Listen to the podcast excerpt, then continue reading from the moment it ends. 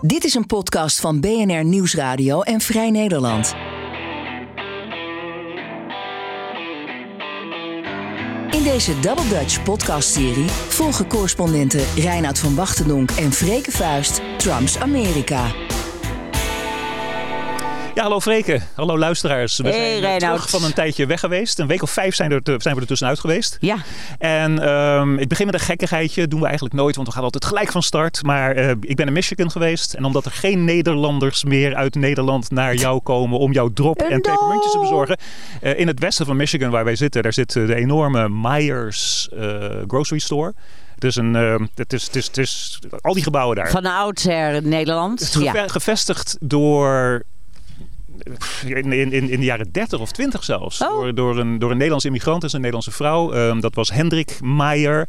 Eh Frederik, Frederik Meijer, dus de zoon. Ja, Meijer toen in die Ja, tijd. Meijer. Frederik Meijer in die tijd, die heeft daar dat gigantische concern van gemaakt. Dus de, de Oh, dat de is heel groot. gebouwen zijn ehm, gigantische Albert Heijns, levensmiddelen supermarkt. En de andere helft van hetzelfde gebouw, dat is, dat, dat, dat is, een, andere, dat is een, een warenhuis zoals... ehm, ja, wat, wat is dat in Nederland? Waar Een je- V&D of zo. ja, de of, eh, VD waar je, waar je dus geen levensmiddelen kan kopen, maar Ja. wel al het andere. Mhm. Een soort Walmart. Dus het is een Walmart en een, en een levensmiddelenbedrijf in in één. Myers, daar heb ik voor jou ehm dubbelzoute Nederlandse gekocht. Oeh, heerlijk. Van de Holland American Food Company. Dus dat is echt Western Michigan. Oh Dat- my dat- gosh. Dus, dus dat. En een, Dus en wat een, zijn en we een- even blij dat en die een rol. Wilhelmina pepermunt. Oh, Voilà. Komt er dus uit die Myers mijn store. favoriet. Maar ik, ik, ik vertel dat en ik Dank doe dat je. gekkigheidje uh, alleen maar omdat Pieter Meijer, de kleinzoon van Frederik Meijer, Ja. eh, gisteren, gisteren in Grand Rapids, de- de- daar zit dat, dat, dat hele christelijke, we hebben het vaak over gehad, dat Ja, christelijke, uh, oerrechtse, eh christelijke historische unie, noem maar op, Nederlandse deel. Ehm, Pieter Meijer heeft daar gisteren de Republikeinse primary voor een congreszetel gewonnen. Oh. En dat is het kiesdistrict van Justin Amash.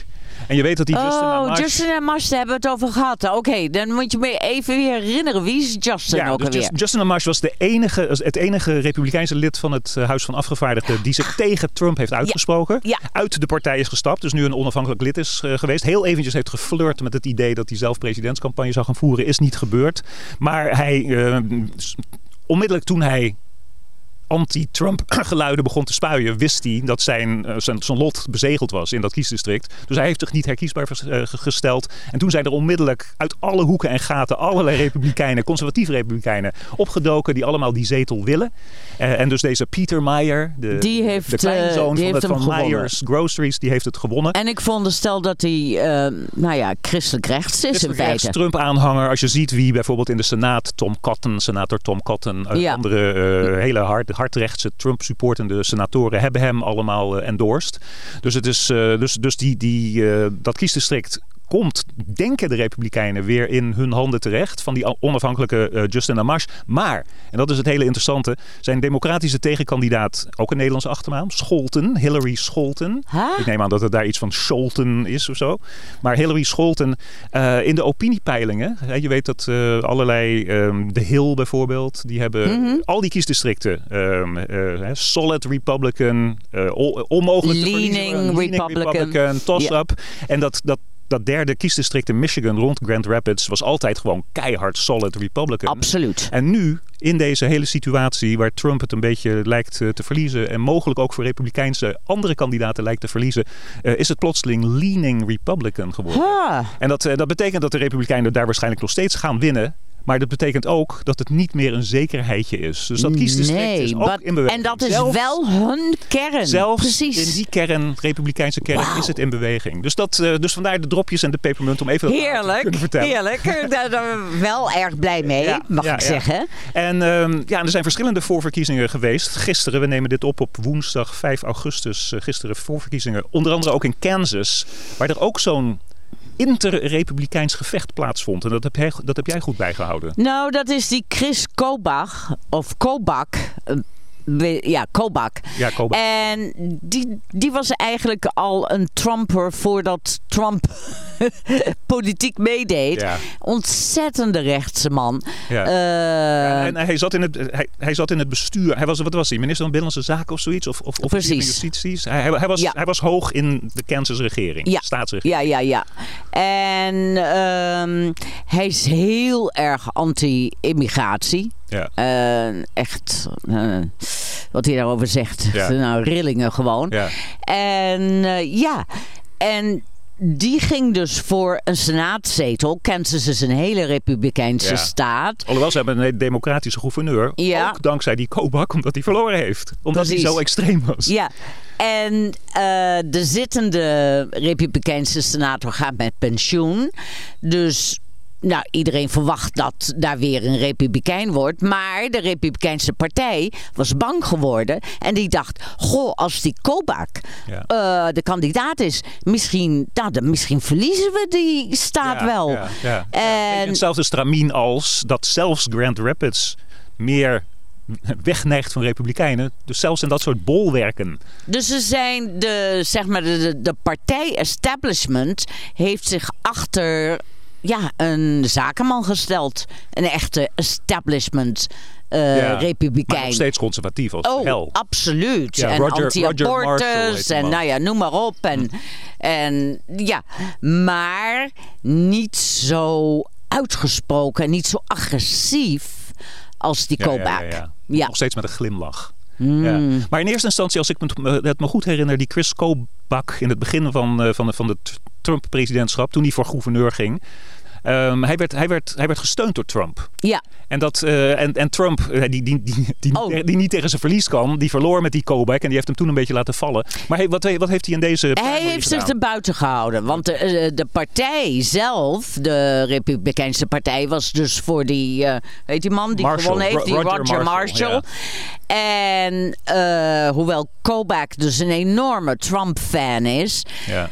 heeft de partij op eh, ja, eh, eh, Trump enigszins onder druk gezet om zich er buiten te houden. Eh, om, om geen. Wat, wat natuurlijk ze- Ja. wat hij wilde doen, was die Kobach steunen. Maar hij heeft, nou ja, toen heeft hij inderdaad zijn mond gehouden erover. Ja. Ja. Nou ja, en die Kobach is het dus niet ehm, geworden. Ja. Nou, is dat. We zitten natuurlijk altijd naar die voorverkiezingen te kijken. En eh, de luisteraar zal wel eens denken: van... God, hebben jullie altijd voorverkiezingen? Daar lijkt het wel op. het Want daar, daar hebben we het al elke, elke uitzending over. Want ja, sinds maart, begin Ja. maart al. En, Ja, en, en bovendien zijn er een zootje uitgesteld. Ja. En dus zitten we, nog, zitten we nu heel laat in een voorverkiezingsseizoen. Absoluut, ja. dat, wat, dat was natuurlijk wel eh, anders dan andere jaren.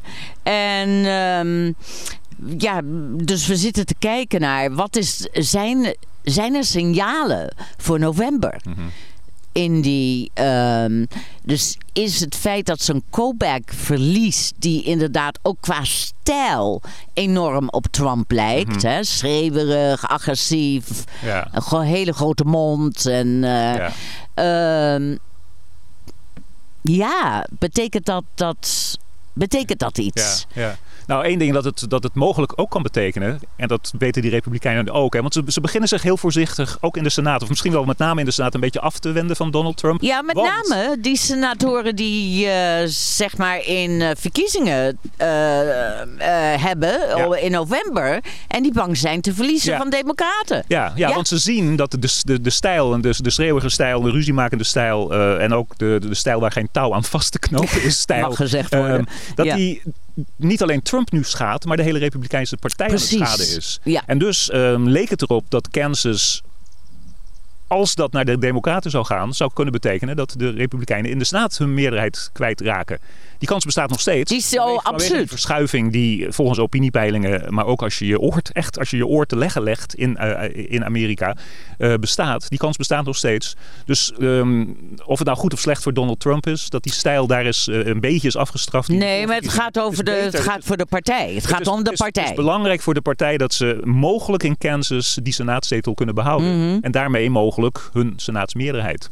Ja, en ik moet zeggen, het is eigenlijk voor het eerst dat we zien in maanden dat de partij zich niet achter zo'n Trump-achtige figuur stelt. de meest Trump-achtige Ja. figuur. Nee, nee, nee, Ja, ja. echt hoor. Dus dat er inderdaad daarvan, als we het nu over, nou ja, zien we iets eh, ja, wat lijkt op een voorspelling, dat, ja, dat die partij nu inderdaad bang is ehm, om te verliezen. Ja, ja want als ze in november echt onderuit gaan zoals nu nogal wat mensen voorspellen dat mogelijk is. En dus het hele congres verliezen. Het Huis van Afgevaardigden eh, daar winnen ze met geen mogelijkheid terug. Nee. Sterker nog, daar verliezen ze waarschijnlijk nog meer eh, zetels.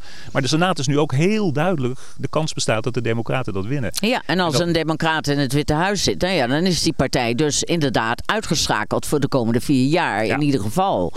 Ja. Ja. Ja, en daar zijn ze nu bang eh, Ja. voor. En daarom zie je nu misschien een heel klein beetje eindelijk dat mensen zich beginnen en durven te distancieren van Donald Trump. Ja, ik, zie daar nog niet Nee. veel. Daar wordt over. De- de- Dat vind ik ook wel Ja, dus distancieren In de media wordt daar eindeloos over gepraat. En dan denk ik: oké, geef me eens goede voorbeelden. En wat ik dan zie is eigenlijk niks. Nee. Dan denk ik: wat, waar heb je het nu Ja, over? ja, wat ja. een paar voorzichtige opmerkingen. Ze zijn, Kom nou. ze, zijn, ze zijn nog steeds als de dood. Als de voor, dood. De acht, voor, voor Trump en zijn achterban. Zijn achterban. Want die hebben ze wel nodig. Die moeten Zonder opkomen achterban dagen. verliezen ze sowieso. Ja. Eh, maar de kans bestaat ook dat ze met zijn achterban, die wel degelijk steeds kleiner wordt, die, die, die dikt gewoon in. De Ja. meest fanatieke mensen die blijven keihard achter Trump staan, maar hij dikt wel in. Maar als die achterban niet opkomt Ja, dan verliezen ze sowieso. op de dag zelf. Ja, Ja, Het, is een, het, is een, het is een duivels dilemma voor die Mhm. Republikeinen. nou, En dat hebben ze aan zichzelf te danken. dat mag gezegd worden.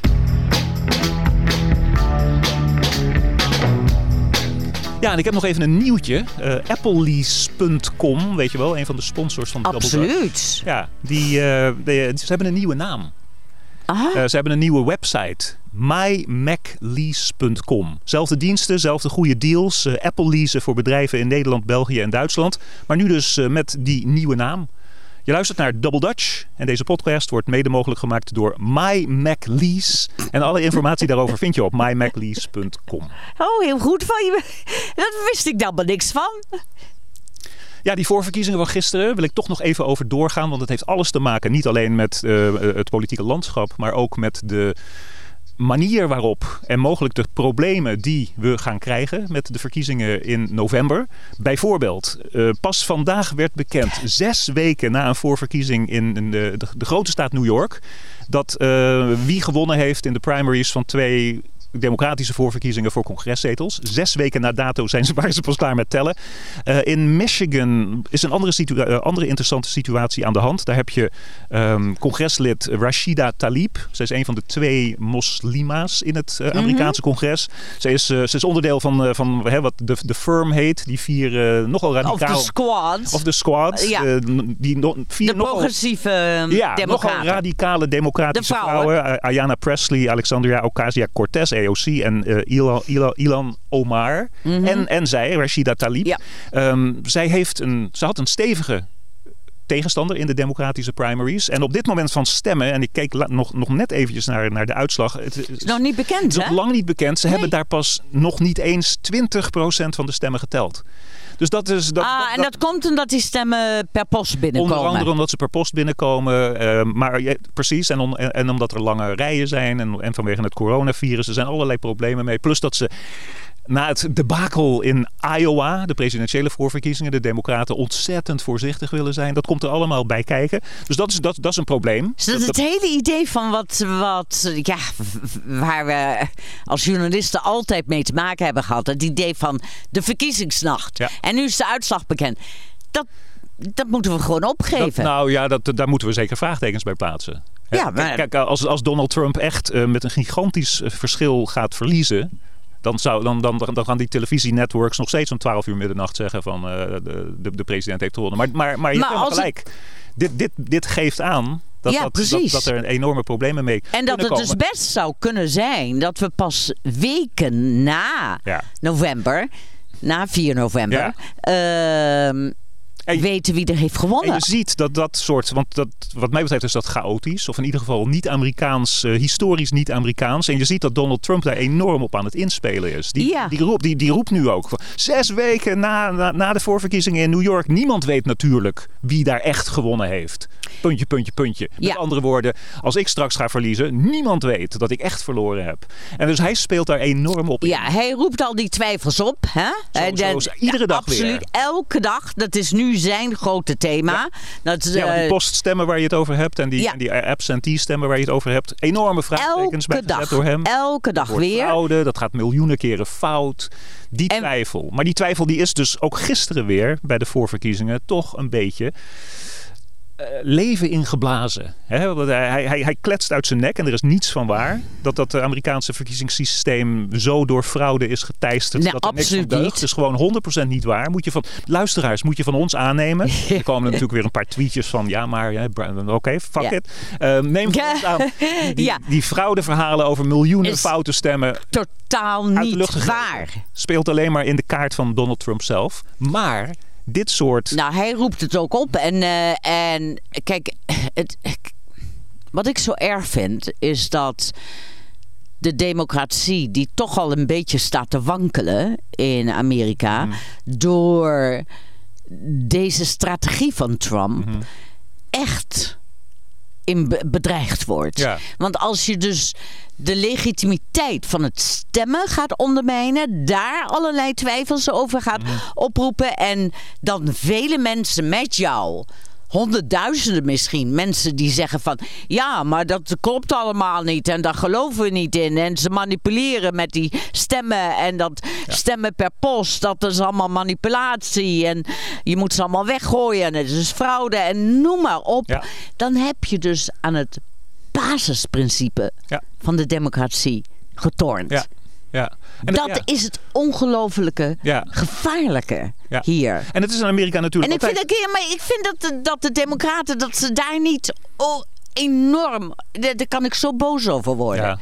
Dit is zo ongelooflijk gevaarlijk wat er nu gebeurt. Nou, ze, ze, ze vechten natuurlijk wel degelijk terug. Zij geven die boodschap eh, eh, ook iedere dag. Dat, dat, dat die ehm, eh, suggesties, die suggestieve tweets over het feit dat miljoenen stemmen niet deugen. En dat er enorm op gigantische schaal fraude wordt gepleegd. Dat dat, niet- dat, dat niet zo is. Ja, maar dat ze er niet bovenop zitten dat wat Trump hier doet zo beschadigend is Ja. voor waar wij zo trots op zijn in het Ja. land, de democratie. Ik hoor die Dat boodschap wel hoor, voortdurend. Van, Ja? van die kant. Oh, van die kant. ik hoor het niet Eh, genoeg. nee. Nou, eh, oké, neem, neem die tweet van toen we weg waren, waarin Trump plotseling dat proefballonnetje opliep en zei van, hé hey jongens, we moeten de verkiezingen uitstellen. Ja.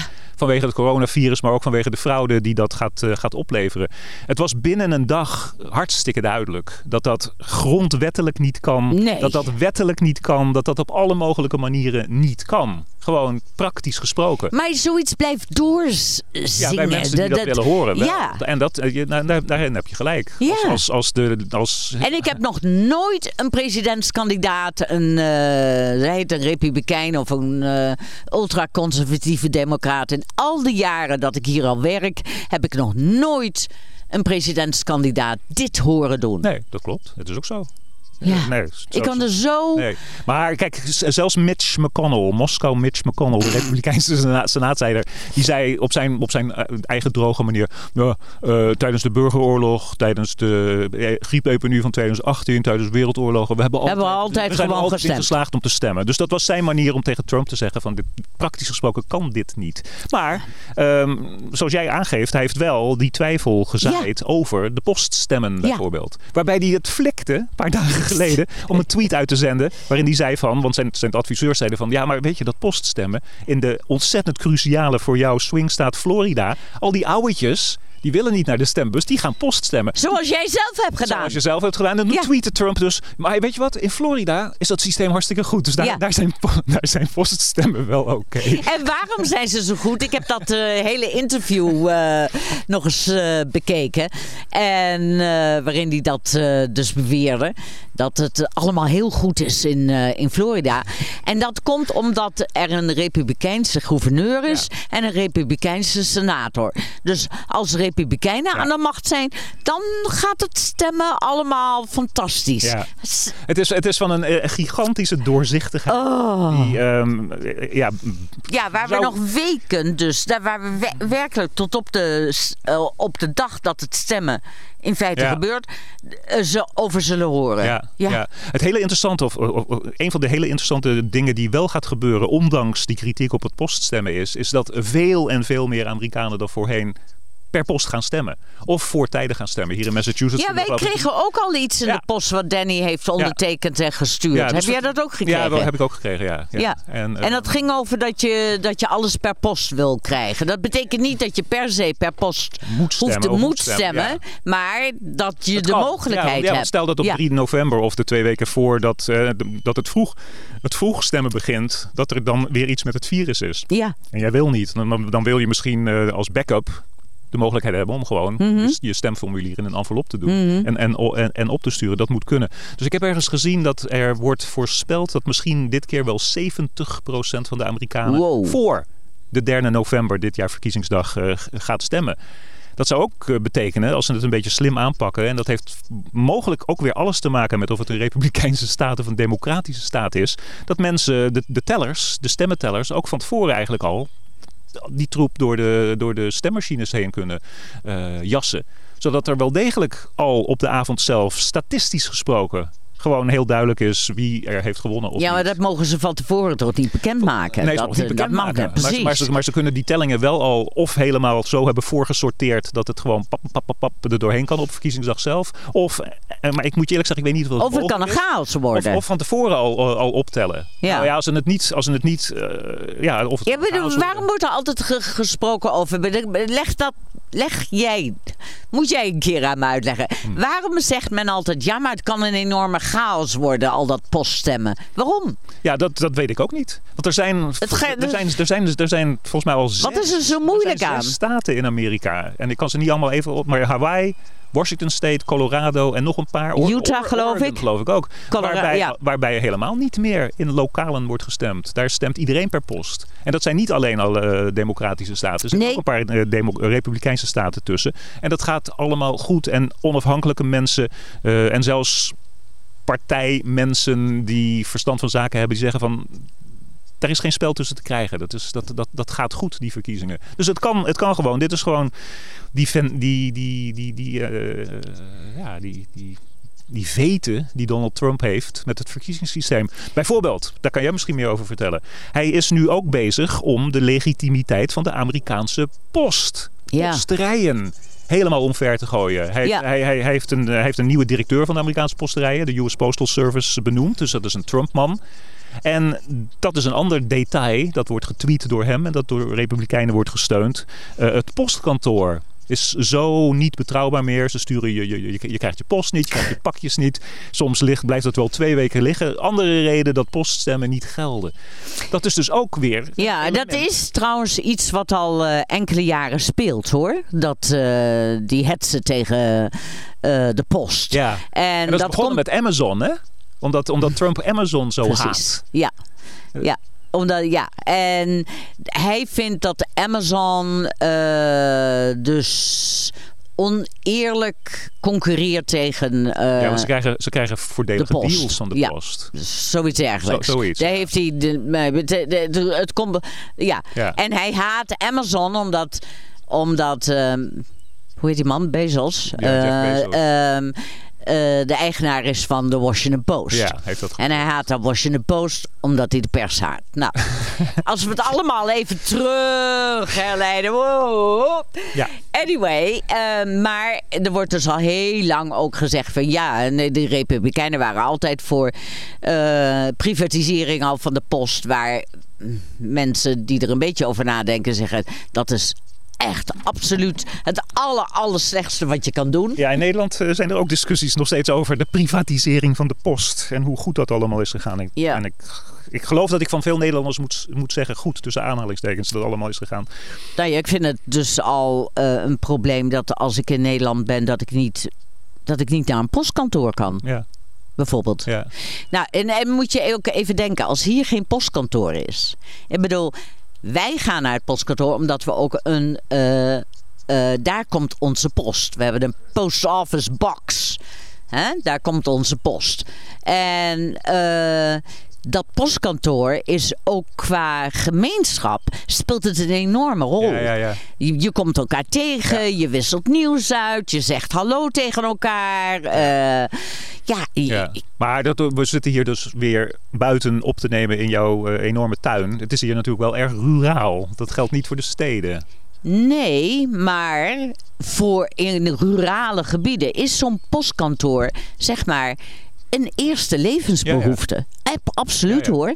En, en het moment dat mensen elkaar nog kunnen zien. Want waar zijn andere gemeenschappelijke ruimtes waar je elkaar tegenkomt? Die zijn er nauwelijks Nee, meer. zeker vandaag de dag niet. Nee, je kan en nu al helemaal niet meer. exact, exact. Dus dat is, dat is één. En ehm, ja, ik vind dat, dat de post prima werkt. Eh, Ik, ik heb nooit het probleem met de post hier gezien. Maar het is al een lang bestaande hetze die nu wordt uitgemolken door Trump. Want die kan het eigenlijk niks schelen Nee. of het nou Nee. privé gaat of... Nee, eh, nee, je, hebt het, je hebt het heel duidelijk gezegd. Hij heeft de, hij, hij- nou, nu speelt het een rol in zijn persoonlijke Precies. hets over de verkiezingen. Ja, dus Maar daarom begon, komt het. Het begon met zijn persoonlijke, want alles gaat alleen maar over Donald Trump. Dat is zijn waar. persoonlijke veten met die Jeff Bezos, omdat de Washington Post geen aardige dingen over Donald Trump Mhm. schrijft. Of niet genoeg. Ja, het is ehm, ehm, goed. wel, Ja. Even, even concluderend. ehm, dat hele aan het wankelen proberen te brengen door Trump en Republikeinen van de legitimiteit van de verkiezingen. Denk jij dat dat invloed gaat hebben? Betekent dat dat Trump. Hè, er zijn mensen hier die zeggen van hij, gaat, hij, hij verlaat dat Witte Huis nooit vrijwillig. Ehm, wat, wat, wat gaat dat betekenen? Is er op 4 november duidelijk, na 3 november, wie, de, wie die presidentsverkiezing heeft gewonnen of niet? Ehm, gaat het weken duren? Als het weken gaat duren, gaat hij dan proberen bijvoorbeeld bij het Hoge Rechtshof aan te kaarten dat hij, omdat de uitslag van de verkiezingen niet geloofd kan worden, toch mag mogen blijven zitten. Als het geen overduidelijke zegen voor de Democraat wordt, in dit geval Biden, Mhm. dan eh, gaat hij het aanvechten. Ja. Ja. En dat betekent inderdaad dat hij de, de poststemmen als eh, argument zal gebruiken. En dat, het, eh, dat hij inderdaad naar de rechter Ja. zal stappen, et cetera. Ja. Eén prachtig element in dit hele verhaal is, is dat heel veel van deze rampscenario's worden wel degelijk nog steeds ingeperkt, omkaderd door de Amerikaanse grondwet. En de Amerikaanse grondwet zegt dat wat er ook gebeurt op 20 januari, ook als er geen verkiezingsuitslag is, dan moet er een nieuwe president komen. En wie wordt dat op 20 januari, de nieuwe president van Amerika? Als het niet duidelijk is wie de verkiezing heeft gewonnen. Eh, de voorzitter van de Senaat, toch? Nee, de voorzitter van het Huis van Afgevaardigden. Oh, van het Huis vanaf Dus dan wordt Nancy Pelosi! Nancy Pelosi president. Yay! En dat- Eindelijk een vrouw in het Witte Huis! Precies, en dat zou je denken is het uiteindelijke argument waardoor de Republikeinen wel degelijk zullen instemmen met. Nou ja, uiteindelijk de Republikeinen, als ze willen overleven als een partij in een democratie, zullen wel moeten instemmen. Hoop ik. Ja. Ja, eh, op dit moment weet ik het ook weer allemaal niet meer. Want eh, ik vind dus, ik vind het werkelijk eh, heel verontrustend dat ze Trump niet aanpakken op dit hele gebied van het stemmen. Dat ze daar nu niet duidelijk maken van, je houdt hier je bek over. Ja. Ja. Want we, we doen gewoon. De argumenten kloppen allemaal niet. De, de fraude-argumenten zijn allemaal totale onzin. Het ene onderzoek naar het andere wijst uit dat er absoluut geen sprake van is. Ja. En we weten zelfs niet of het beter voor Democraten is. Wat, wat Trump altijd zegt, dat het beter is voor Democraten. Dat weten we helemaal niet. Nee. We weten niks erover. Maar- Behalve dat het voor veel mensen inderdaad handiger is om het gewoon. Dat stembiljet in te vullen thuis aan de keukentafel. En dan op de post te doen. De Republikeinen gaan, ga- gaan geen tegenvuur bieden. Nee. Nee, Nee, Echt dat is nu gaat- helemaal gaat- duidelijk. in de politiek, ik ga gewoon in de politiek gaat het om macht en het gaat om je persoonlijk Ja. gesproken om je politieke carrière. En dat is eh, in het tijdperk waarin we nu leven zo op, op, op de spits of op het, nou, het spits afbijten, op de spits gedreven dat die Republikeinen dat echt niet gaan doen. Nee, want het is hun eigen hachje. Je hebt absoluut gelijk. Dat, dat, eh, ja, en, en dat is... Ja, daar kan ik gewoon s'nachts wel eens eh, wakker van liggen. Werkelijk.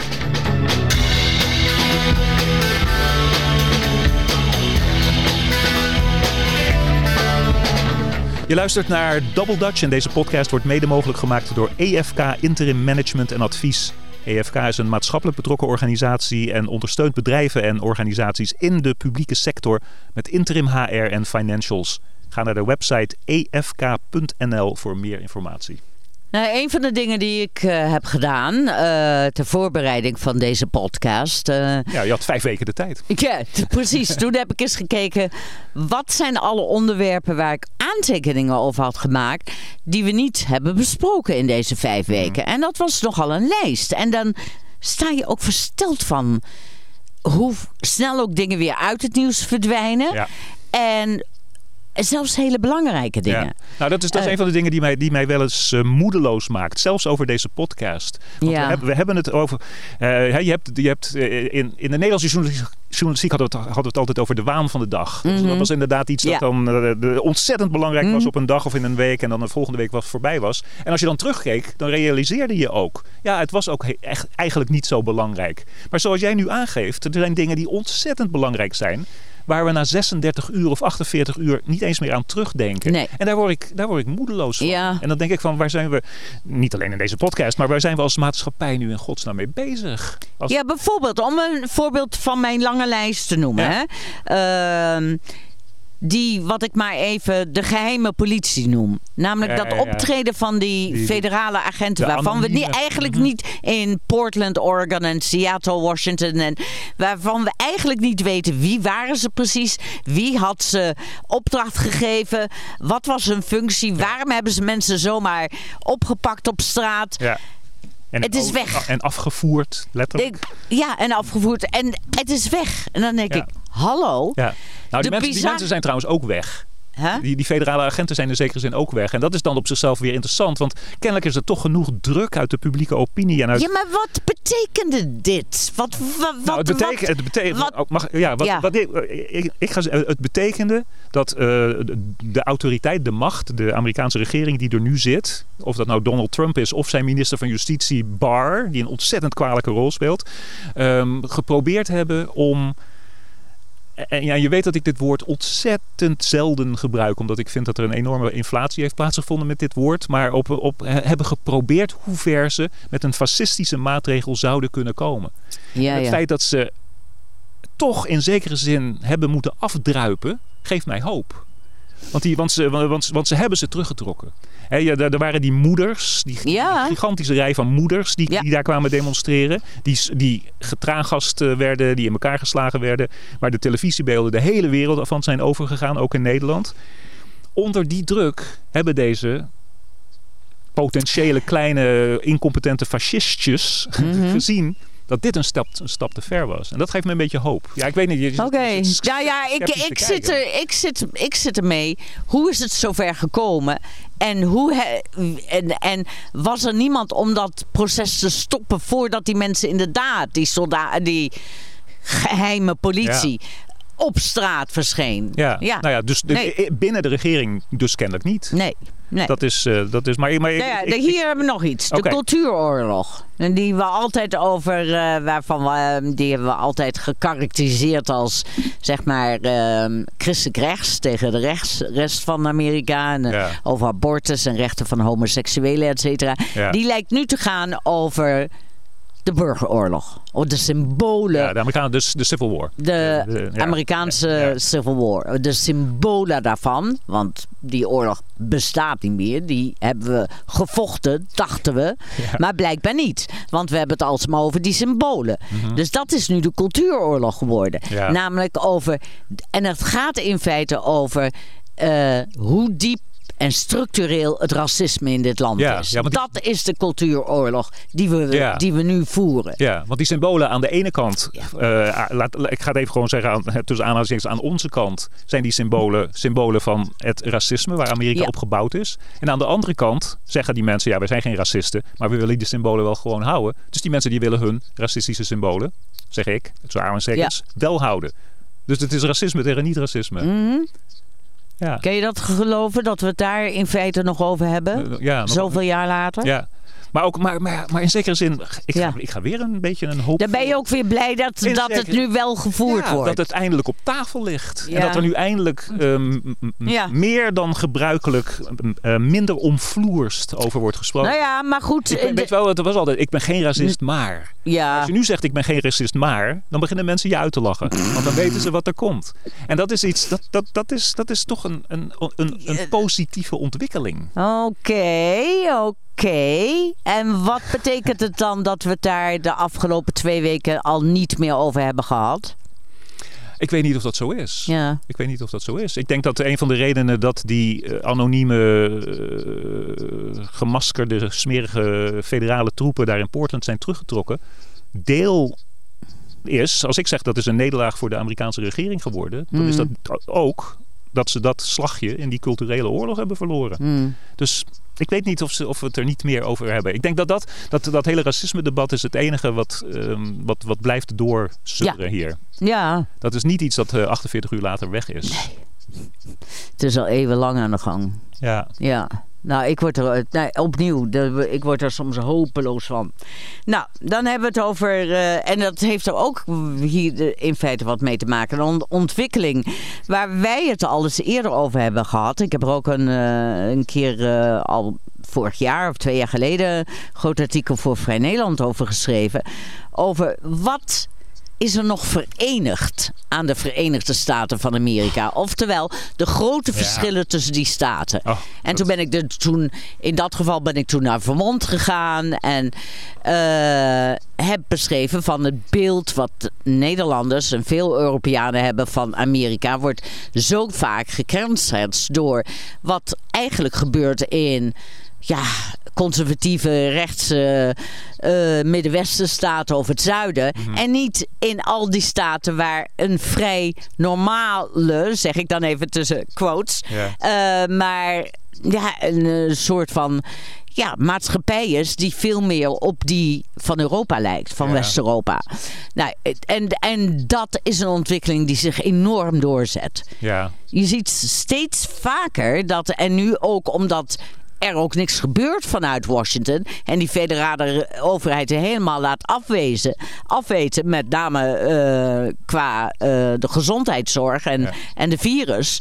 eh, dat die staten zich organiseren in groepjes. Dat Ja. ze hun belangen gaan groeperen Ja. en denken van dit moeten wij dan maar doen. Ja. Dus Ja. dat verenigde Amerika. Ja. Dat is heel interessant. Ja. Ja, ja, Ja. Wij, wij, zitten dan in, die, in, een, in een meer liberale streek, New York en de, en de zes staten van New England. Ja, eh, waar het virus in het begin ontzettend huishield en, en, en, en keihard eh, ja, ja, veel slachtoffers maakte. heel veel. Eh, wij zijn nu dat groepje van staten de, de minst geteisterde. Ja. Het steekt heel klein beetje weer de kop op, maar dat is, eh, Ja. ja. dat is een heel interessante. Ik, ik moet zeggen, weet je, in 2008, toen Barack Obama op het toneel verscheen en, en, en, en hij had die toespraak, dat was geloof ik zelfs in 2004. Nou, dat was zijn, zijn, eerder. zijn, zijn, Ja. zijn, zijn gevleugelde uitspraak, eh, we are not eh, blue American states and red American states or black America Ja. and white America, we are the.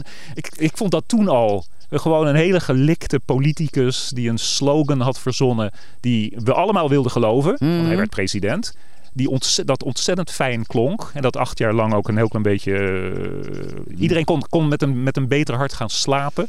Die Amerika het beste toewenst. Omdat die president daar eh, aan de macht was. Maar het is natuurlijk altijd. Toen was het ook al een slogan. Die Ja. nergens op sloeg.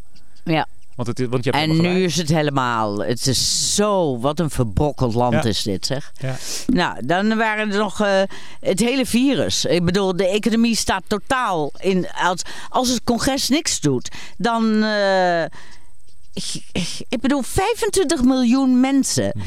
denken dat ze hun, hun huur niet kunnen betalen. Ja. Die, eh, of dat ze uit hun huizen zullen worden Ja. gezet.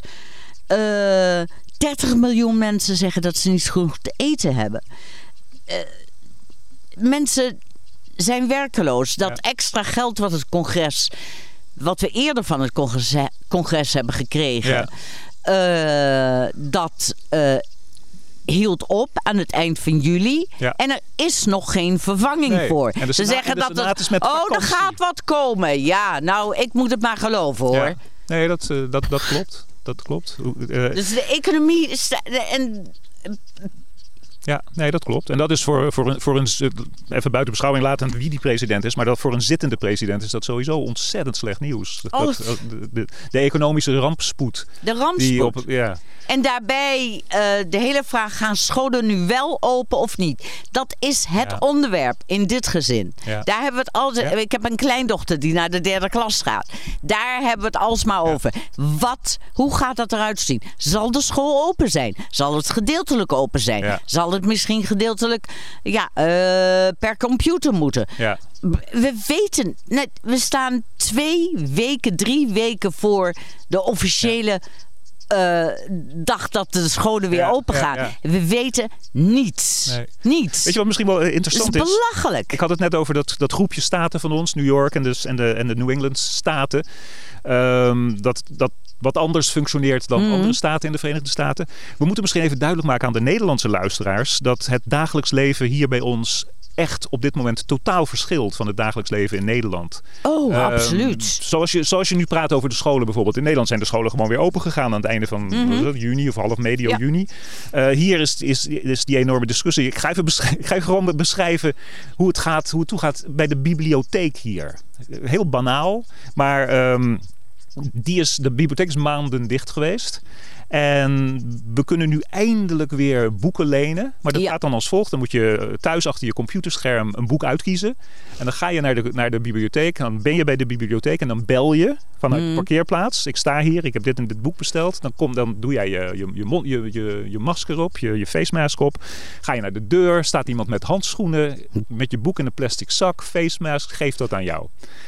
Ja, bij ons, uh, andere gemeenten, uh, gaat het iets anders. Dan maak je gewoon uh, per e-mail een afspraak wanneer je het gaat ophalen. Oh. En dan zit het in een zak. Ja. En gewoon een bruine papieren zak. En ja. dan met je naam erop. En dan haal je het op. Ja, maar bijvoorbeeld, ik, ik moest mijn boeken ophalen. Wanneer was het? Hoi. Nou, ik weet niet meer precies. Maar hmm. het was ontzettend slecht weer. Dus ik heb het die dag niet gedaan. En nu moet ik dus gaan uh, regelen dat ze een nieuwe afspraak maken om de boeken op te halen. Ja. Oei, oei, oei. Ja, en Alle, alle winkels bij ons in de streek, je komt er gewoon niet in zonder, uh, zonder nee, mond. Zonder... mond dus er zijn zo nu en dan. En iedereen over, op straat ook loopt ook met een mond. Het is echt. Het, ik, het, ja, het gebeurt af en toe wel, maar het, het is nou, haast nooit eigenlijk dat ik iemand dus dat, dat, is een groot verschil, een gigantisch verschil met Nederland. Maar ook, zoals jij al aangaf, met andere delen van Amerika. Want in Michigan, waar we toen Heel waren, erg waar. Um, daar was maar de helft van de mensen in supermarkten met zo'n face mask. En dat werd ook niet echt afgedwongen. De, de gouverneur van de staat had gezegd, het is nu verplicht. Heeft het wel, oh, heeft het wel ja, verplicht maar, maar in, dat, in dat western Michigan, in dat rechtse Michigan, zeiden mensen van ja, oké, goed. Um, er staat blijkbaar geen boete op dus, of zo. Dus, er stond op dat moment, en het, uh, ik heb nu over twee weken geleden, nog niet echt een boete op. Mm -hmm. En er waren echt allerlei mensen die gewoon heel agressief uh, jou aankeken als je zo'n ding op je gezicht had. Van, uh, what the fuck is wrong with you? Dus, dus daar What is the fuck beetje... is wrong with America? Ja. Oké, okay, sorry. Met, met, met, wel, met, met een, met, met, niet altijd een, bepaald deel van, ja. van, van, Amerika. Ja, um, nee, maar dat is zo. De, uh, men realiseert zich dat niet in, uh, in Nederland. Ik bedoel, ik ben geen restaurant binnen geweest. Nee. Um, ik wel een paar keer. Ja, je, nou, niet binnen, maar ik ja, heb buiten gezeten. Je kan buiten zitten ja. om nu uh, buiten te eten. Ja. Uh, ja, ik ben nog geen winkel binnen geweest. Nee. Behalve de supermarkt. Ja. En uh, ja, eigenlijk is, is het hier nog heel streng. Zijn de maatregelen nog ja, behoorlijk streng. Ja, ja, Ze zijn iets versoepeld, maar niet wat maar ik... We, ja, maar we moeten nu dus duidelijk aangeven uh, wanneer jij hier zegt... Ja, dan hebben, we het over Massachusetts. Een bepaald deel van Amerika. Dus een, en zeker niet heel nee. all, all, America. Nee, mm -hmm. dat, is, dat kunnen we niet vaak genoeg uh, zeggen... dat er dus zulke enorme verschillen zijn tussen die staten. En niet alleen tussen ruraal en stedelijk, nee. Maar gewoon tussen die staten en het gebied waar je woont. En dan denk ik, ja, ik ben blij dat ik in Massachusetts woon nog een staat die nog een beetje redelijk is gewoon. Ja. Uh, ja. Nou ja. Ja, Ja. jij hebt jaren in Texas gewoond. Ja. Ja, ja ik, kan, is- ik, kan me nou, ik kan me nauwelijks voorstellen hoe, hoe de situatie daar is. Alhoewel, ze hebben daar de klap van gekregen. Texas Ja. zit hartstikke hoog in de besmettingen en de doden. Precies. Dus ze hebben... En de scholen zijn open. Of gaan open. Dat weet ik niet. Ja. Nee, daar wordt ook nog steeds over Ja. gediscussieerd. Oh, dat is ook iets wat we nog even als ehm, uitleg erbij moeten zeggen. Dat eh, zoiets als scholen open of niet, dat wordt niet op federaal niveau besloten. Dat wordt op heel lokaal niveau besloten. Dus door het schooldistrict. Ja. Dat is lokaal. Dat is ook niet het gemeentebestuur. Maar dat is het district wat gekozen is door de plaatselijke kiezers Ja. hier. Van een schooldistrict wat meerdere gemeenten onder zich kan hebben. Ja. Ja. Nee, dat klopt. Dus ehm, Ja, zelfs, en zelfs in die kleine streek van ons met 100.000 of 110.000 inwoners. Al die verschillende schooldistricten zijn niet allemaal met elkaar Nee. ervaringen en kennis en wetenschap aan het delen. Ze zijn allemaal bezig met gaan we open, gaan we. gaan we half open, Ja. gaan we totaal virtueel. Ja. En, eh, Nee, er wordt geen zeg maar één oplossing voor de hele staat Massachusetts bedacht. Nee, Nee. Dat, eh, dat kan lokaal dus eh, enorm verschillen tussen wat, wat er hier gaat gebeuren in Great Barrington of wat er in de grote stad bij ons in de buurt Springfield gaat gebeuren, kan totaal anders Ja. zijn. Totaal anders. ja, ja, ja. En dat is natuurlijk ook weer zo vreemd. Eh, het is ook. ehm, het, het, het is niet alleen verwarrend, maar het. Eh, alles. eh, het- nu het. Zeg maar, het leven al zo chaotisch lijkt. Hè? Mhm. eh, is dit ook weer zo'n aspect erbovenop wat dat nog erger maakt. Dat het zoveel verschil maakt waar je woont en wat er, Ja. wat er lokaal gebeurt. En oh, is dat ook waar als ik naar Boston ga? Wat gebeurt er als ik naar New York ga?